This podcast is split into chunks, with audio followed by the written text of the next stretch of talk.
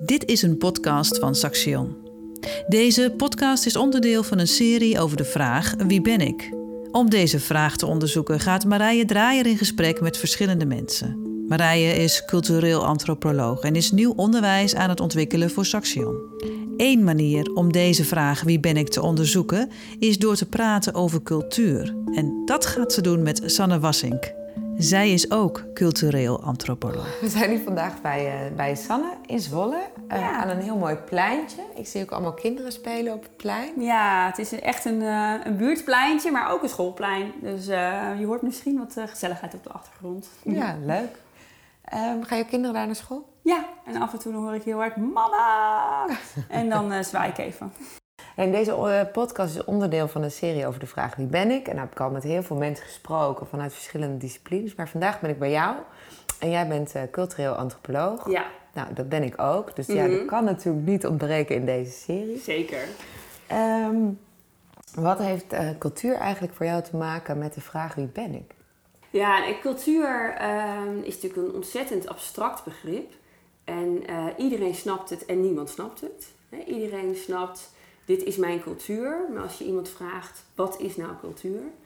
Dan is dat gewoon een heel moeilijk concept. En ehm, eh, terwijl het in het dagelijks leven de hele tijd aanwezig is. Cultuur is heel veel dingen. En cultuur is vooral wat er tussen mensen gebeurt. Dus cultuur is de relaties tussen mensen, de machtsrelaties, de hiërarchische relaties, maar ook wat mensen zeggen of niet zeggen, wat ze non-verbaal vertellen. Ehm, de rituelen en gebruiken en voornamelijk de gewoontes. Wat we doen en laten met elkaar. En wat we daarin ook als normaal beschouwen. Dus Ja. hè, wat voor jou normaal is, is voor mij niet normaal. En ehm, ja, dat is cultuur. En ja, jouw vraag is, hoe zie ik dat in relatie tot... Ja, wat heeft dat te maken eigenlijk met wie ben ik? Wie ben Want, ik? want- Ja, nou, je, je bent alleen maar jezelf, denk ik, eh, in relatie tot anderen. Je kan jezelf ook definiëren Mhm. omdat je denkt, hé, hey, dit ben ik wel en dit ben ik niet. En je, je conformeert je ook aan bepaalde waarden die bij jou horen. Maar die waarden waren geen waarden als het alleen maar die van jou... Hè? Dat, is, dat, is, dat is iets cultureels, dat is iets wat voor jou goed of fout is. Jij bent, eh, jij bent jij in relatie tot anderen. Dus eh, volgens mij was het filosoof Levinas die daar nog zo'n mooie quote over heeft. Iets met ehm, dat de ander maakt wie jij bent. Daar gaat het voornamelijk over. En ehm, ja, wat jij belangrijk vindt in het leven, ethisch juist of onjuist, waar je waarde aan hecht of waar je gewoon helemaal niet mee wil conformeren, ehm, dat heeft alles te maken met jouw cultuur. En dus ook met de groepen waar jij, ehm, ja, waar jij bij hoort naar jouw idee. Mhm. Dus eh, je wordt natuurlijk ontzettend gevormd in je socialisatieproces ook al. Mhm. eh, door wat jij gewoon vindt en wat jij niet gewoon vindt. Ondertussen zet Sanne even een kopje thee. Nou, ik zet even een kopje thee. Kopjes pakken. Ehm, ik heb nog zo'n ouderwetse theepot die zo meteen heel lekker hard gaat fluiten. Dat duurt lang. In onze snelle wereld eh, past dat niet helemaal. maar het brengt me in ieder geval wel lekker tot rust. Ik neem er de tijd voor. En ehm, thee is interessant, hè? Want thee is eigenlijk gewoon een, eh, een ritueel. Je drinkt wat samen. Maar ehm, eh, ja, in sommige in sommige landen, zoals in Japan, moet je echt naar school leren om eh, hoe, hoe- die theerituelen werken. En of je wel theeschenker mag zijn. Ik mik gewoon zo meteen een zakje erin, dus wandel ik er even doorheen. En neem een kopje thee. Nou,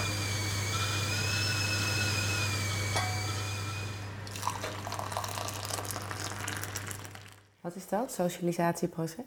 ja, dat is dat je in, eh, je, wordt, je groeit op en jij wordt jij. En eh, wat jij daarin eh, normaal vindt, dat is in je omgeving, word je daarin ook heel erg gevoed. Dus dat is aan de ene kant en hoe jij socialiseert, hoe jij ehm, ja, je, je rol pakt zeg maar, in wat jij gewoon vindt en niet gewoon in relatie tot anderen.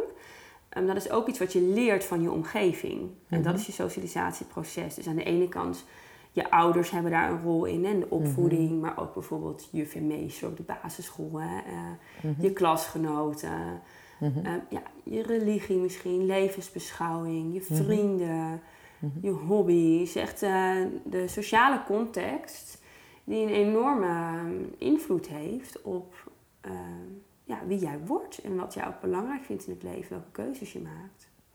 En is dat dan uh, ja, overal hetzelfde? Nee, nee, nee, dat is natuurlijk ook wel cultuur inderdaad. Dat, um, dat wat we gewoon vinden ook en hoe, um, hoe de groep daar invloed op heeft, dat is uh, op allemaal verschillende plekken van de wereld heel anders.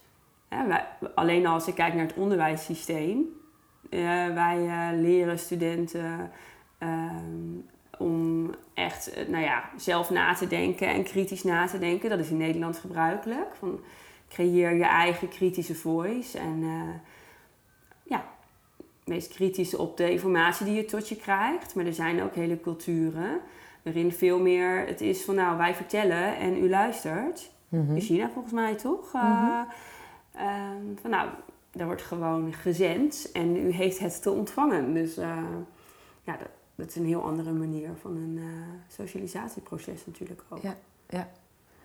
En um, hoe, wat je, er zijn natuurlijk maatschappelijke trends. Je noemt het al, hier is het heel anders. Je hebt, mm. Ik denk dat een van de kenmerken van de, de Nederlandse cultuur, als die al bestaat, um, of een trend misschien wel, uh, ook heel erg het individualisme is. Uh, hoe verhoudt zich dat dan tot juist dat individuele uh, van wie ben ik en die ontwikkeling tot, je, tot die groep, tot je omgeving? Ja. Hoe kijk jij daarnaar? Nou, we zien eigenlijk dat in uh, de vorige eeuw daar een hele belangrijke verschuiving in heeft plaatsgevonden in de Nederlandse samenleving. Dus als je kijkt vlak na de Tweede Wereldoorlog, bij het ontstaan van de verzorgingsstaat, toen leefden we nog veel meer in gemeenschappen, in zuilen. En de katholieke zuil, de protestantse zuil. Doordat de staat een vangnet heeft gecreëerd en je dus minder afhankelijk bent van je familiecontext, of bijvoorbeeld afhankelijk van je kerk of iets dergelijks, uh, ben jij ook in staat om veel meer individuele keuzes te maken. Dus um, de verzorgingsstaat heeft er eigenlijk toe geleid dat bijvoorbeeld, nou, denk aan studiefinanciering. Uh, denk aan een vangnet van de bijstand of iets dergelijks. Um, dat maakt dat jij ook kan loskomen van die community, van die gemeenschap. Waar je misschien bijvoorbeeld eerder, als je in de jaren ja, 50 of zo bent opgegroeid, 1950, dan dacht je misschien wel anders over het leven. Maar ja, hè, je had ook die, die, um, dat vangnet wel nodig van de familie. Dus je gaat er ook niet per definitie tegen in. Dus dan zijn die regels van zo'n community veel sterker en ook belangrijk en heel bepalend in de keuzes die je maakt in het leven. Op het moment dat de staat met de verzorgingsstaat en het sociale vangnet organiseert dat jij ook kan loskomen van, uh, van je familie en daarin veel meer individuele keuzes kan maken in jouw persoonlijke ontwikkeling, uh, zie je ook wel dat die ontzuiling in de jaren 60 is ingezet. En dat het, ja, dat dat is een heel interessant proces. Dat is voor het individu, individu denk ik, een, uh, een groeiproces. Hè? Dus er zijn veel meer mogelijkheden gekomen om je als individu te ontwikkelen, onafhankelijk van tot welke groep jij behoort.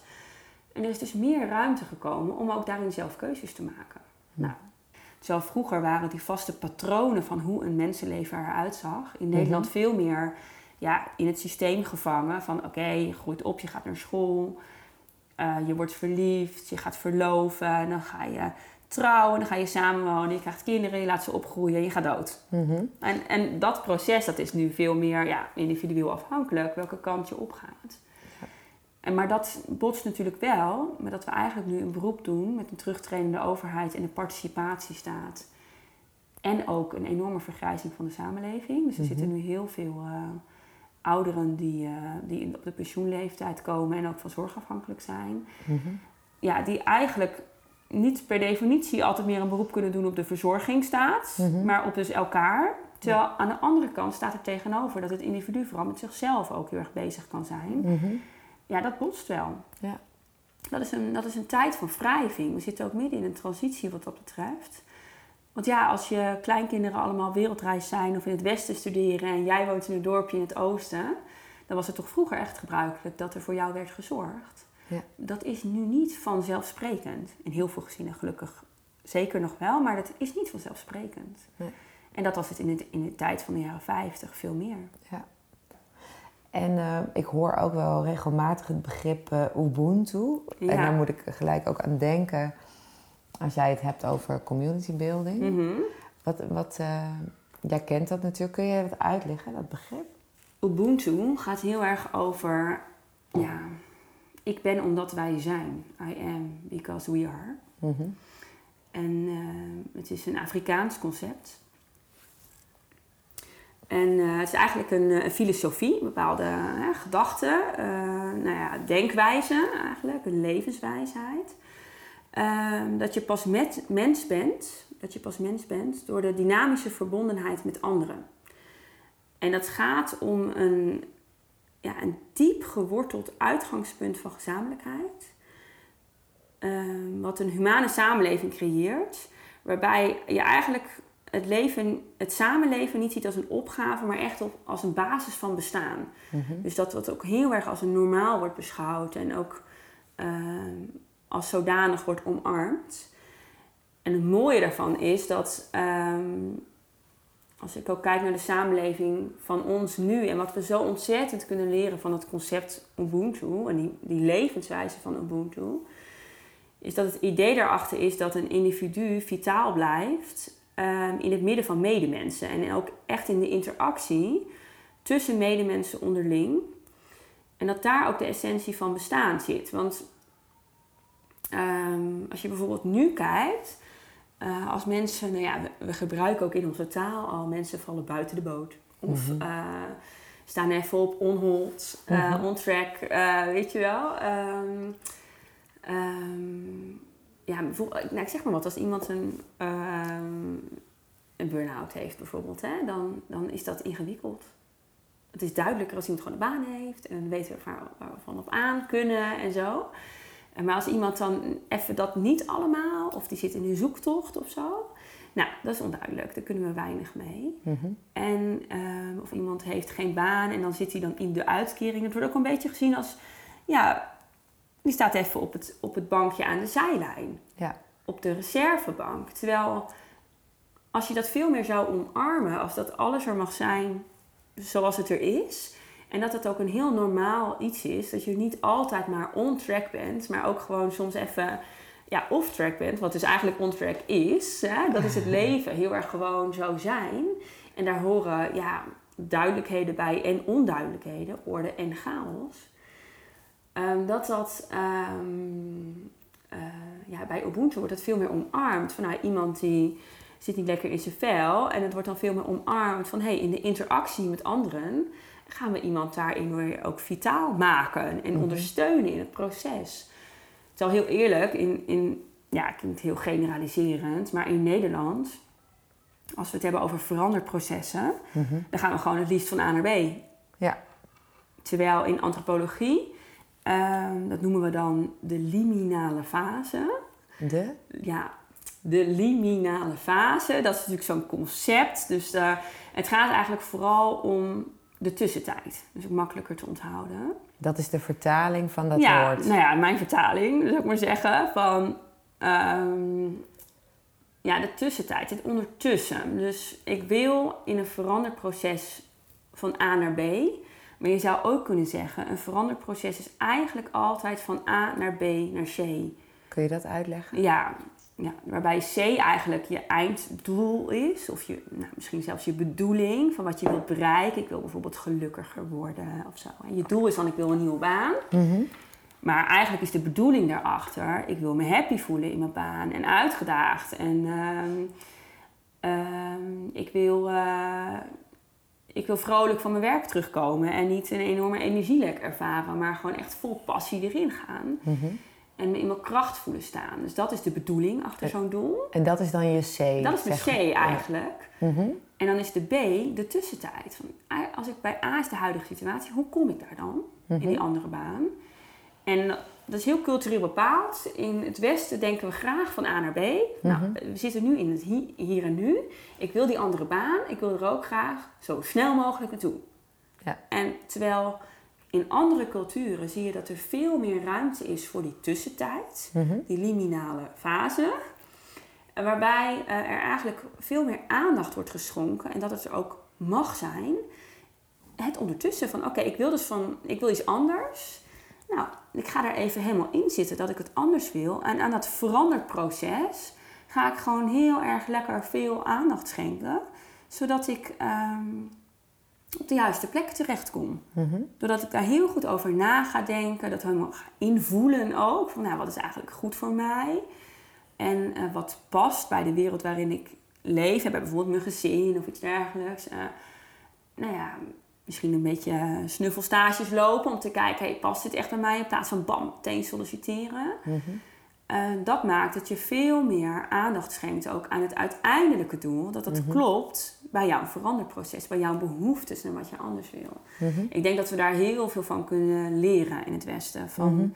ehm, ja, van die tussentijd en ook dat overgangsrituelen in andere culturen ja, veel meer de ruimte krijgen. Dat het er gewoon mag zijn. En wat bedoel je dan met overgangsrituelen? Dat dit, wat bedoel je daarmee? Dat nou, dat zijn? ja, dat in een, als iemand in een burn-out zit of een andere baan zoekt of uh, ziek is, uh, tijdelijk geen werk heeft, uh, dat het eigenlijk altijd een dat het reservebankje helemaal niet als een reservebankje zou moeten worden beschouwd. Of je staat aan de zijlijn. Bij Ubuntu sta je dus in het midden. Zo van, nou, dat is ook oké. Mhm. En wij omarmen jou om te kijken hoe kan je weer helemaal vitaal worden in die context. Mm en ehm, die tussentijd de ruimte geven. Zo van dat, dat reservebankje mag er zijn. En we investeren juist in dat reservebankje. Ik denk dat dat een, uh, ja, een, gouden, een gouden andere manier is om naar het leven te kijken. En dat het mensen ook zoveel meer gelukkiger maakt. Mhm. Maar het gaat wel erg uh, over wat vinden we gewoon. Ja, en dat is dan weer heel erg eigenlijk cultuur. cultuur. wat we dan uh, gewoon vinden. Ja op jouw site of ergens heb ik ook gelezen van... Uh, als je weet wat mensen beweegt, kun je mensen bewegen. Ja. Ik moet daar heel erg aan denken ook, als je dit nu uh, vertelt. Ja. Um, kun jij de link uitleggen? Ja. Ja. Als je weet wat, je, wat mensen beweegt, dan kan je mensen bewegen. Dat vanuit ontwikkelingsantropologie um, gaat het ook heel erg over hoe krijg je mensen in beweging, maar dan wel vanuit zichzelf. En um, ja, we zien zowel in wijk empowerment, sociale cohesie vraagstukken, maar ook persoonlijke verandervraagstukken, coaches en zo. Dat, um, uh, heel veel mensen weten wel hoe ze mensen moeten bewegen, hè? maar het gaat er veel meer om. Haak je eigenlijk aan bij wat die ander denkt over hoe die moet bewegen. En uh, als je daarin echt gaat verdiepen, van hoe moet ik die ander bewegen, dus niet top-down, dat de gemeente bepaalt wat er met de wijk moet gebeuren, of dat dat, hoe dat beter moet, maar dat je veel meer vanuit de mensen zelf gaat kijken. Hoe zou dat misschien volgens jullie ook anders kunnen? Mhm. Ehm, dan ga je je verdiepen in wat beweegt jullie, wat, welke betekenis geven jullie aan bijvoorbeeld Ehm, ja, sociale cohesie in een wijk, hè? buurtbetrokkenheid, ik noem maar even iets. En is dat dan ook de betekenis bijvoorbeeld in zo'n burn-out situatie die je net schetst? Of juist gewoon een, een, andere baan willen? Weet je, die wrijving die bijvoorbeeld een burn-out of een ik zit niet prettig bij mijn huidige baan of ehm, ik zit niet lekker in mijn vel. Die wrijving die je dan voelt, dat is, dat is essentieel. Want dat geeft jou ook houvast, want dit wil ik niet. Mm dit, dit voelt niet juist of dit loopt niet lekker. En een bepaalde flow komen, dat, dan heb je ook het ongemak nodig om dat te bereiken. Dat je ook weet, oké, hier ga ik, dit ga ik dus loslaten. Dit laat ik. Een, een veranderproces ontstaat altijd vanuit een bepaalde behoefte. Mhm. En dat kan een behoefte zijn naar beter of anders of fijner, leuker. Maar toch een bepaalde zoektocht. En mhm die zoektocht, dat is de liminale fase. Dat is het ondertussen. Mhm. Maar het begint natuurlijk in de huidige context dat er iets wrijft. Mhm. Dat er iets, ja, dat er een bepaalde behoefte ontstaat. Ja. ja. ja. En dat hangt dan natuurlijk ook weer samen met de vraag van wie ben ik? Hè? Dus als je op zoek gaat naar die vraag, of naar een antwoord op die vraag. Ja, wie ben ik? Dat is natuurlijk heel erg een, ehm, ja, een vraag die ook helemaal past bij de individualisering, die veel belangrijker is geworden.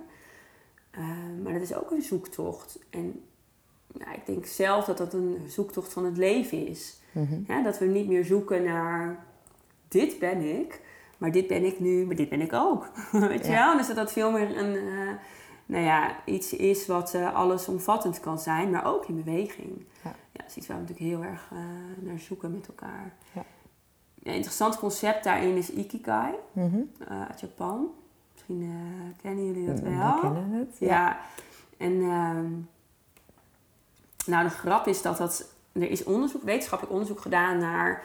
eh, waar mensen heel veel gelukkiger zijn ter wereld. Mhm. Nou ja, dat is toch wel heel gaaf. Daar moeten we meer over weten. En dan zijn ze ehm, onder andere terechtgekomen in Japan bij een eilandje... waar veel, relatief gezien, veel mensen wonen... die zowel boven de 100 jaar zijn... Mhm. als ook ehm, nou, heel gelukkig en gezond zijn. Dus er zijn dan onderzoekers op gedoken. Nou, hoe komt dat nou? Dat is eigenlijk wel een gouden greep. Daar moeten we meer over weten. Daar kunnen we van leren.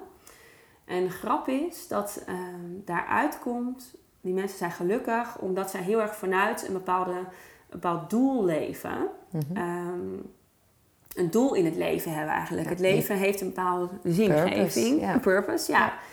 En nou ja, dat zou dan eigenlijk het antwoord zijn op waarom die mensen zo gelukkig zijn. En heeft Ikigai een mooi modelletje omheen eh, bedacht. Ik moet wel heel eerlijk zeggen dat in ehm, individuele veranderprocessen, als het gaat om eh, eh, individuele coaching, dat ik wel merk dat ehm, heel erg streven naar wat is mijn doel in het leven, dat dat een soort van verlammend werkt. Mhm. Want dan Hoezo denken we, nou, je ziet ook bijvoorbeeld nu zo'n hele generatie die heel erg zoekt naar de zin van het leven. En als je die dan niet hebt, dan ben je dus ongelukkig. Want, want ik moet toch ook een zin van het bestaan hebben. Ehm, en ik denk dat het helpt om daar gewoon een laagje dieper op te gaan zoeken. Niet heel erg zoeken naar een doel. Mhm. Ehm, want ja, dat is echt, denk ik, zoeken soms naar een speld in een hongerberg. Maar zoeken naar een bedoeling. Mhm. Dus een doel is een nieuwe baan. Ja. Maar als je dan de bedoeling daaronder weer vangt, van daar word ik dus gelukkiger van, daar voel ik me prettiger bij. Ehm, dat past beter bij de context waarin ik leef, bij hoe ik het leven wil inrichten. Eh, dan hoef je niet te zoeken naar de perfect job of hè, eh, de, de perfecte partner. Alleen al, hè, zoveel eh, mensen zijn single die helemaal zoeken naar de perfecte partner. Terwijl het kan ook zijn, bij deze persoon voel ik wel de bedoeling. Ja, en dan ga ik daar gewoon, ik ga daar gewoon op flowen. En ik, ik kijk wel waar het, of dat ook helemaal het doel van het leven gaat omvangen. En dat, Mhm. dat helpt wel om gewoon te gaan. Ja. En heel erg ook te genieten van het nu. En, en dus ook eigenlijk actie te ondernemen, zeg je eigenlijk daarbij ook. Dat Ja, er dan zeker. Om in beweging. Anders dan ga je heel erg ja, het groot maken van wat is zingeving en het doel. En dan blijf je ook hangen, want dan kom je daar, daar kom je nooit op. Daar kom je niet uit. daar is kom je niet uit. En dat, is- dat werkt dus, ja. hoe goed bedoeld ook vanuit de Ja. Japanse Ikigai-theorie. Maar dat werkt dus averechts. Dus als Ja. je dat veel meer vanuit een bedoeling benadert, ja, dan, ga, dan kom je tenminste in beweging. En als je Mhm. beweegt, dan ontstaan er weer dingen. Dus dat is, dat is goed in een veranderproces. Ja. Voor die liminale fase. Ja. ja. En, en is dat dan ook cultureel bepaald? Want dat- jij zegt eigenlijk hè, van dat concept werkt misschien in eh, Japan dus heel goed. Mhm. En hier, nou ja, dat is jouw ervaring Mhm. dat dat minder goed, eh, goed werkt.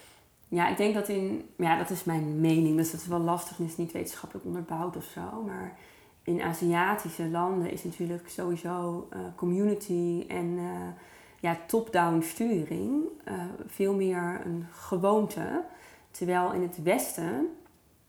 ehm, dus ik bedoel daarmee, hè, van, je gaat je zingeving creëren en dan ga je daarvoor. Dat is gewoon een soort van, we vinden dat met elkaar. Maakbaar of zo. Maakbaar, ja, maar top-down maakbaar ook. En dat je daar dan gewoon aan conformeert. Dat je dat accepteert als, oké, dat ga ik dan doen.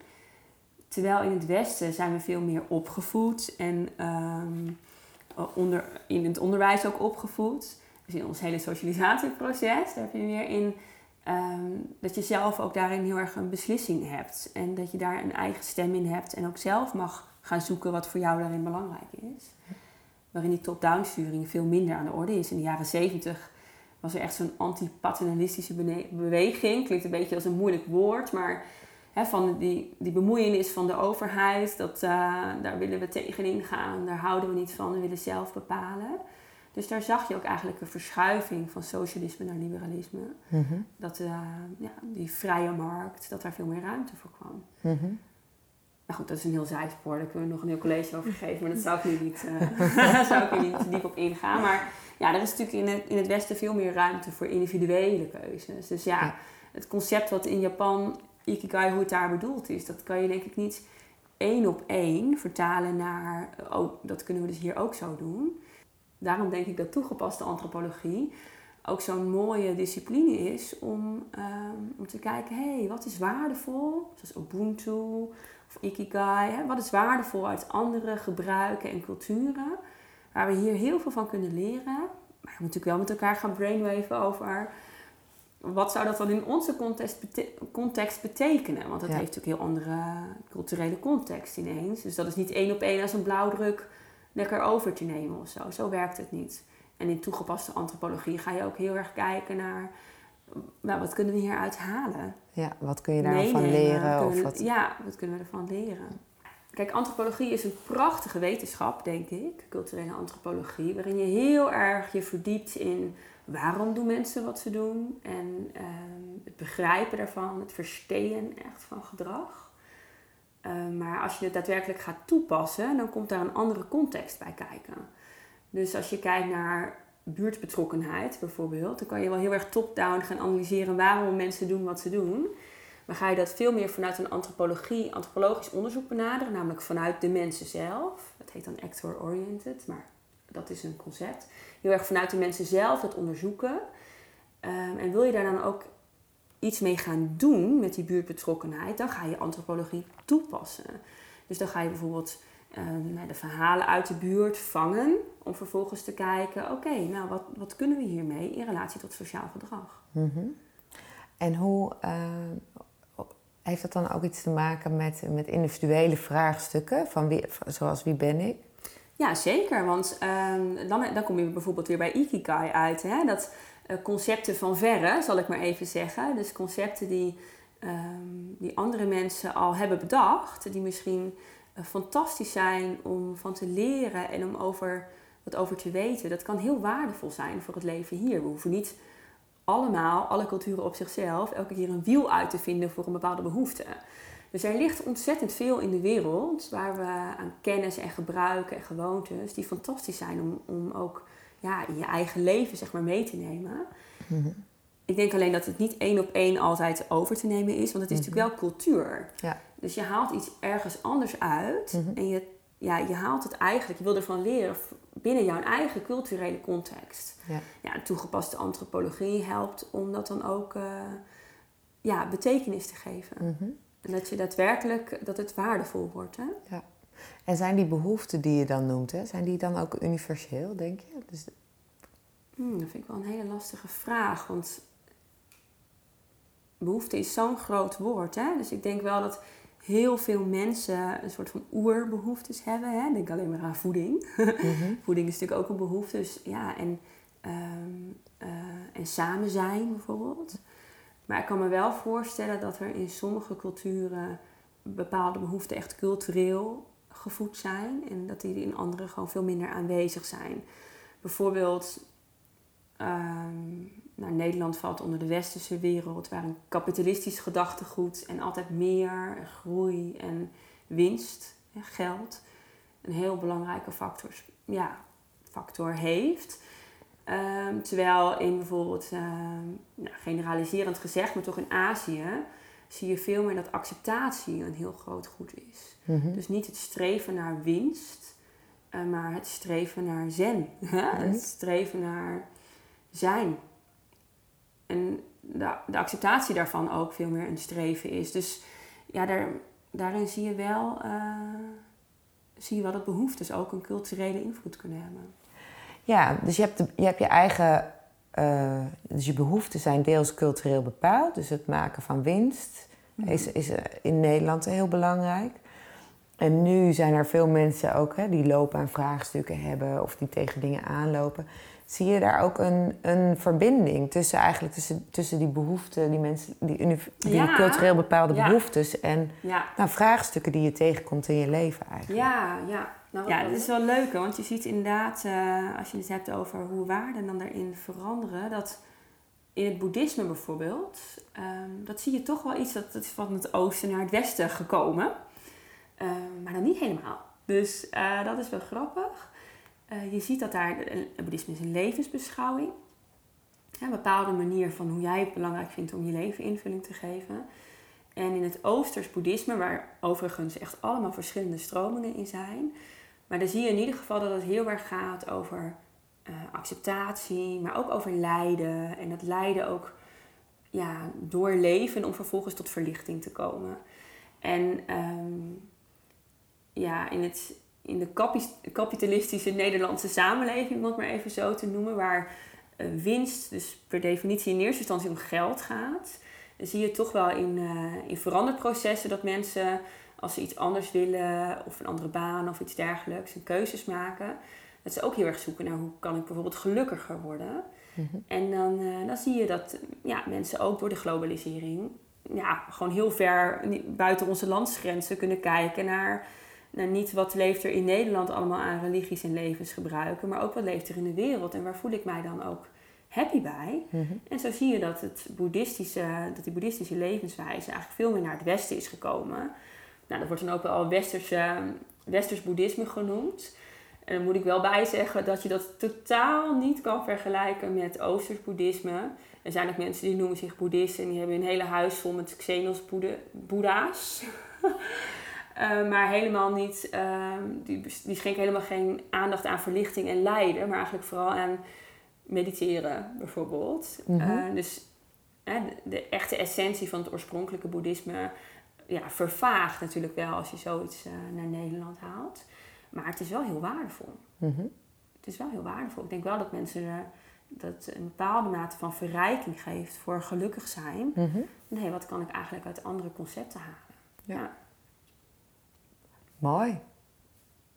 Ik denk dat als je, als je op die manier dus ook ben je dus eigenlijk ook bezig met je eigen identiteit en met die vraag wie ben ik. Dus eigenlijk zeg je ook die zoektocht naar wie ben ik ja, die beperkt zich niet alleen maar meer tot je gemeenschap uh, binnen Nederland, maar ook veel groter. En daarin zie je dus eigenlijk ook de invloeden van nou ja, buiten de landsgrenzen in dit geval. Ja, Mooi. Ik heb, ben nog één, uh, ik heb nog één quote ook van jou gevonden. En die wil ik toch even aan je voorleggen. Je schrijft um, Culture eats strategy for breakfast. Ja, ja. Wat, uh, wat betekent dat? Ik vind het een hele mooie uitspraken. Ja, ja.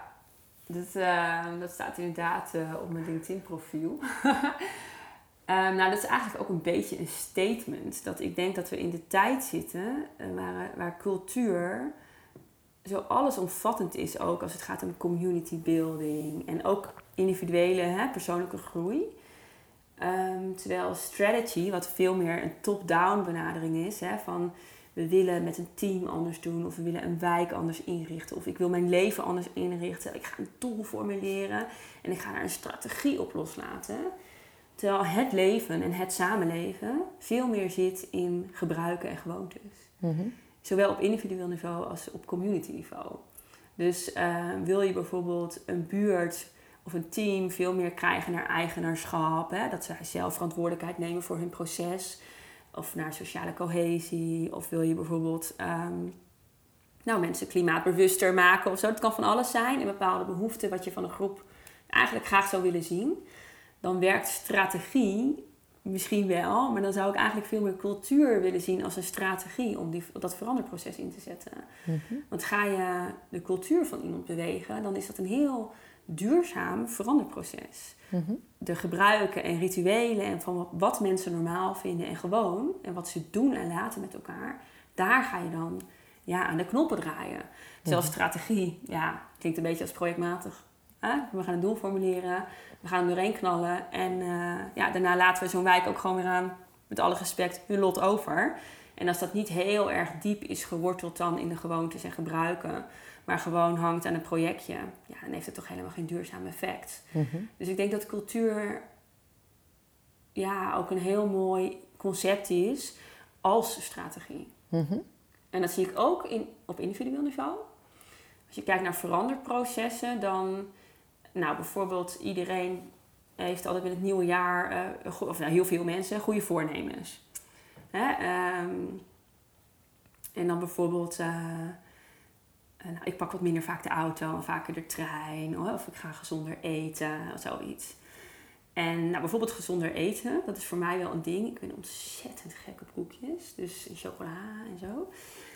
Maar ja, dan is, mijn, dan is mijn doel eigenlijk, ik wil minder chocola eten.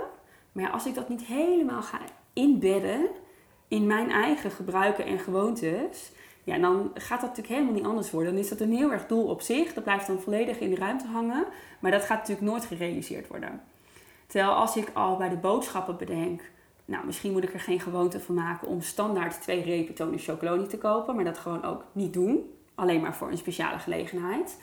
Of bijvoorbeeld s ochtends uh, een lekker, uh, lekker prakje maken met fruit of zo, maar geen standaard boterham met je hagelslag smeren. En dan verander ik mijn gewoontepatronen. En dat heeft een veel duurzamer effect dan dat ik een doel formuleer. Mhm.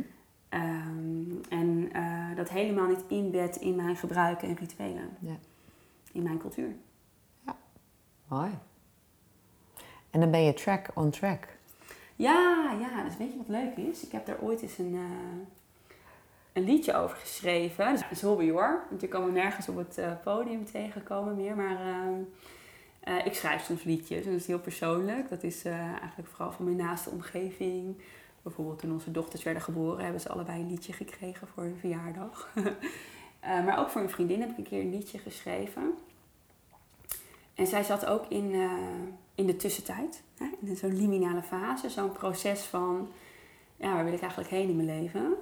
En uh, zal ik gewoon even zingen? Ja, Zo, leuk. Een klein stukje ervan. Ja, heel leuk. Ik speel eigenlijk geen gitaar, maar uh, dus voor de gitaristen die luisteren, nee, dat is hem inderdaad niet. Maar um, nou ja, een beetje gitaarpingeltje erachter is wel leuk. Kijk hoor.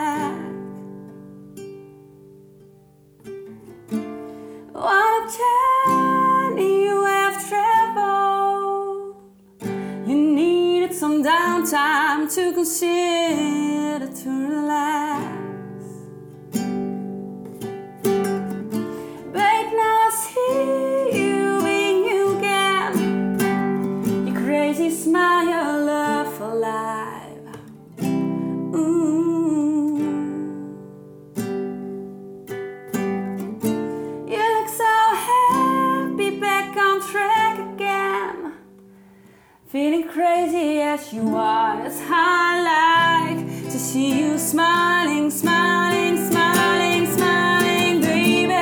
Ooh, ooh, you're lovely, baby. Ooh, ooh. Dat is een klein stukje maar uit het liedje, want dat is natuurlijk super persoonlijk. Heel mooi. Ja. Maar wat wel grappig is, is dat er staat ook in You needed some downtime to consider to relax. Toen ging zij toevallig ook nog eens naar Australië, dus down under. Eh, maar ehm, ja, consideration hè?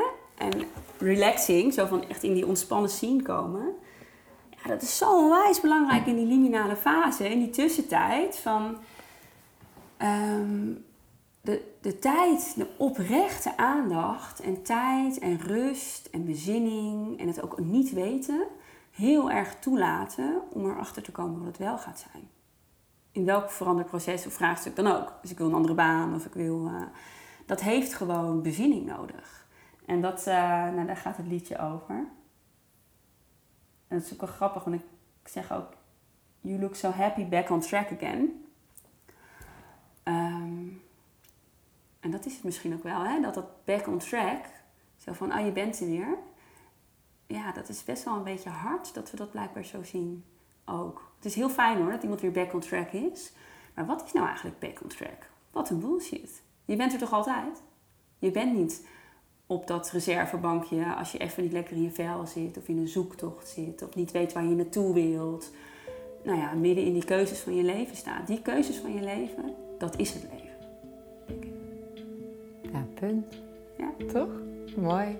Dankjewel. Graag gedaan. Wil je nog een podcast luisteren over dit onderwerp? Er zijn er meer te vinden op video.saxion.nl.